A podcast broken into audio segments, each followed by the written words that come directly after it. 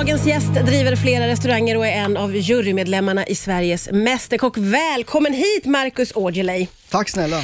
Du, eh, i, i, alltså, 11 säsonger in så har ni fått en ny eh, jurykollega i år, eh, Tom Sjöstedt. Vad gör en sån förändring i den lilla jurygruppen? Det är klart att det blir en förändring, eh, men samtidigt så... Alltså, vi, jag känner ju Tom sedan flera, flera år innan, så det Ja. var ingen jättestor förändring på det sättet. Nej. Men det är klart att det... Måste ändra dynamiken Ja ändå, så tänker det jag. nog. ja, men så blir det alltid när man Ja. byter ut en människa i en, en liten trio. Ja, ja men precis. Och det, var ju, ni har ju varit en, det känns som att ni har varit en tajt liten trio i många år med Ja. Leif. Ja, just det. Eh, och det är lite stora skor att kliva i också, tänker jag. Ja, men jag tror man måste... Eller, man ska nog inte tänka att man ska fylla hans skor eller kavaj, utan man får ju bara kliva in och vara sig själv. Mm. Och det lycka, har ju Tom lyckats väldigt bra med.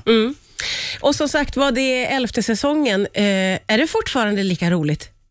Ja, det är det. Eh, Vi pratade ju om det lite grann innan vi gick ut i etern här. Nej, men det som är häftigt är ju att träffa de här deltagarna som verkligen är beredda att förändra sitt liv, gör allt för att laga så god mat som möjligt. Och det är ju ett häftigt möte. Ja. Ibland så glömmer man bort det, så blir man påmind och så glömmer man bort det lite igen, att man liksom stirrar sig blind på vad som ligger på tallriken. Men det är ju en häftig resa som de går igenom och som faktiskt är på riktigt. Även om det också är dokumenterat och blir en tv-underhållning, så är det ju faktiskt på riktigt. Att, Att de, många av dem vill försöka förändra Ja, sitt liv ja. genom det här. Och, och Det- många av dem har ju lyckats med det också.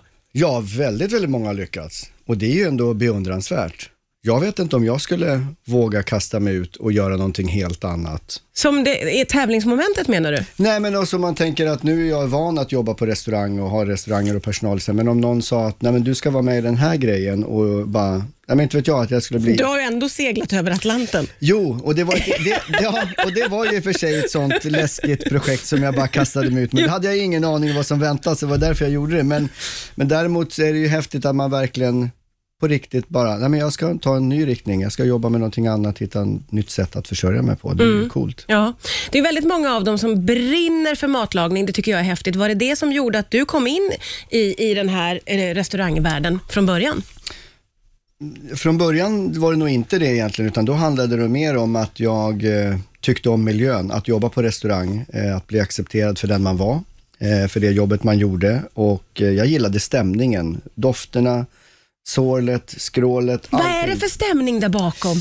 Nej men det är ju häftigt, det är ju lite grann, alltså det är rätt coolt egentligen om man tittar på att det vi gör på restaurang, alla som jobbar oavsett position, är att våran uppgift är ju att serva gästerna som sitter i matsalen och få deras dag eller kväll eller måltid så bra som möjligt.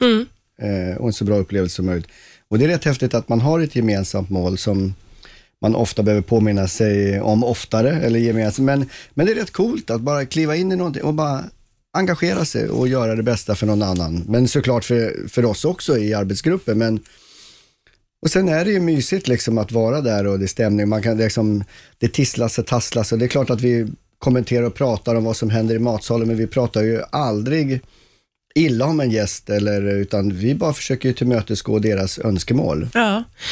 Åh, vad det finns mycket att prata om i det här, hur det är Ja. där bakom. Och jag tror kanske att det var mycket Gordon Ramsay när han slog igenom i TV och hade en väldigt arg framtoning, så fick vi intryck av att det är argt och tufft i köken. Känner du igen dig i det där någonting? Jag kan känna igen mig eftersom jag har eh, jobbat ganska länge eh, och även utomlands. Så det är klart att det finns en tuffare attityd utomlands. Mer förr också, det har ju Ja. ändrats jättemycket. Det känns ju rätt... Ja, nu är det väl inte så tuff jargong. Det är klart att det kan vara tufft rent fysiskt, arbetsmässigt att, att jobba på restaurang. Det är ju det är ju så, det får man inte glömma att vi sitter ju inte utan vi, vi står och går och lyfter och går för trappor och så vidare. Så att fysiskt så kan det vara en utmaning men, men annars upplever jag att det är en väldigt bra, sund jargong överlag. Och Men sen, jag menar, det, sen är det ju stressigt, det får man inte glömma heller. Och det är rätt mycket som ska klaffa för att det ska funka, som man inte ska tänka på som gäst och som man sällan märker. Och det är ju liksom meningen, men säg att det är ett bord på fyra personer som ska äta fyra olika rätter, så vill de ju gärna ha dem samtidigt. Ja. Och då är det ju rätt mycket som måste klaffa. Och inte bara från kökets sida, utan det är ju från alla håll. Liksom, Ja, att det ja. Men, men det är ju samtidigt någonting som man kommer in i. Det är inte svårare än att, vad vet jag, jobba med någonting annat egentligen. Men det, får, det är övning som gäller. Ja, ja, visst, visst. Men den där stämningen som du liksom eh, älskade så mycket i början, känns det, har du samma känsla fortfarande för just den där stämningen? Ja, det, gör, det har jag och det är väl det som gör det. Det är ju det som är roligt att vara på jobbet och, eh, men även som gäst också. Att bara sitta och njuta och höra sorlet och man hör liksom lite skrammel från bestick och liksom att eh, ja, men det, är, ju- det är underbart. Jag har alltid gillat det sedan jag var liten. Det är någonting som satte sig väldigt snabbt i, inne i mig att det här gillar jag, den här miljön. Ja.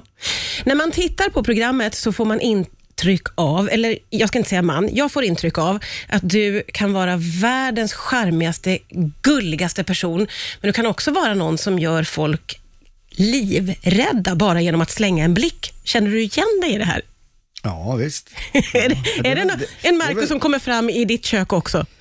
Nja, men, nej, men det är ju så. det- Jag är ju så. Men sen tror jag att det som är intressant blir ju att om man bara tittar på en människa och inte gör en min, alltså att man bara är helt neutral, så blir ju människor nervösa. Ja. Du kan verkligen göra Ja men så enkelt är det ju. nervösa. Ja. men alltså, och, och bara genom att titta på någon så, så kan det vara, jag kanske tycker att det här är fantastiskt. Ja. Och, eller jag tycker att någon gör ett jättebra jobb eller inte. Men, men det är ganska intressant och det är rätt ovanligt för att man känner nog, speciellt då ska jag säga, liksom i våran kultur här att vi, man, det är ju liksom vårat skydd. Vi måste ju snabbt titta, skanna av en människa och känna om det är en fiende eller inte på något Ja, sätt. just det. Ja. Och eh, får man då ingen respons för om den här ska attackera eller inte, då blir det jävligt jobbigt.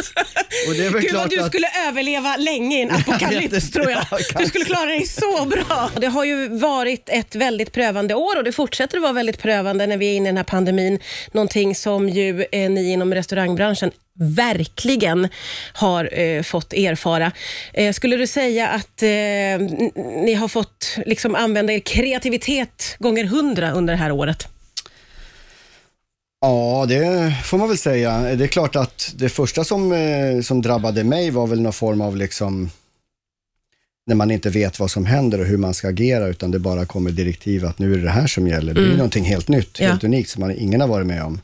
Eh, men ganska snabbt så började man ju bli kreativ. Jag tror att det, dels så har det nog med att många inom restaurang, eh, bland annat då, är nog ganska kreativa människor att hitta lösningar på olika saker, för det är ju det vi gör varje dag, även om det inte är en pandemi, att, eh, att hitta bra lösningar. Så att för min del så var det ju äldre att tänka kreativt och hur man skulle kunna göra alternativ på dels bemanning, lösningar på restauranger, men också vad man själv ska göra av den tid som man helt plötsligt fick över också. Mm. Och hur har du liksom agerat där då?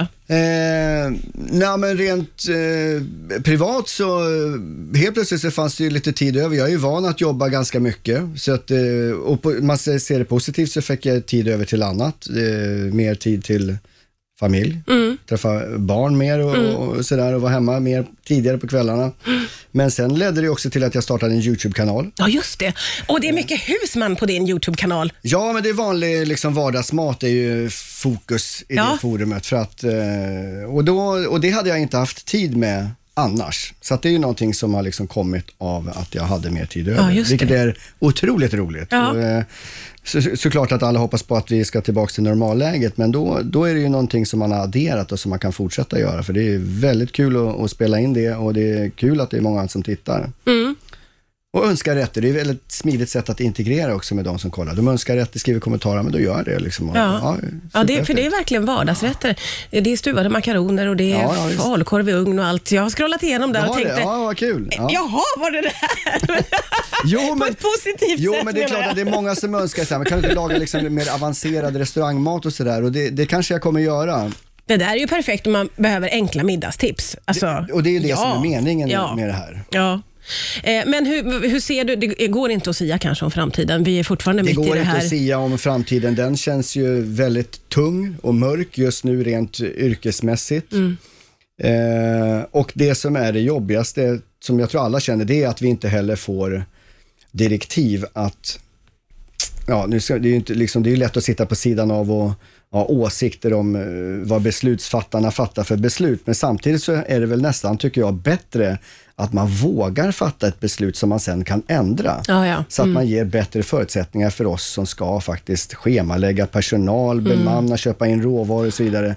Det är liksom, det är ju, det, så skulle man ju aldrig göra i en annat sammanhang, utan det är bättre att säga att nu kommer vi ha så här en månad, två månader, ett halvår. Lev med det, acceptera det och så ska vi försöka hjälpa till. Sen om det händer något på vägen som förändrar det till det bättre, okej, vi har nog inga problem att anpassa oss efter det. Men det här blir lite väl jönsigt liksom. Det blir en svår situation, verkligen. Kommer du att vara jury i Sveriges Mästerkock i 10-11 år till? Det är helt omöjligt att svara på, men det låter ju helt bisarrt att jag skulle vara i 10-11 år till. Varför då? Du har ju redan varit 10-11. Det gick Ja, ju det, jag har skitsnabbt. varit i 11 år nu. Ja, det kanske blir så att jag liksom säga, till slut så blev jag den nya Leif i alla fall. då, hans kostym hänger kvar där så jag kan ju bara kliva in den. Så, ja, den? Det tog 30 år men nu sitter den bra. Liksom. Det ser vi fram emot. Så oerhört kul att få träffa dig. Tack snälla Marcus Aujalay för att du kom till Rix FM idag. Tack.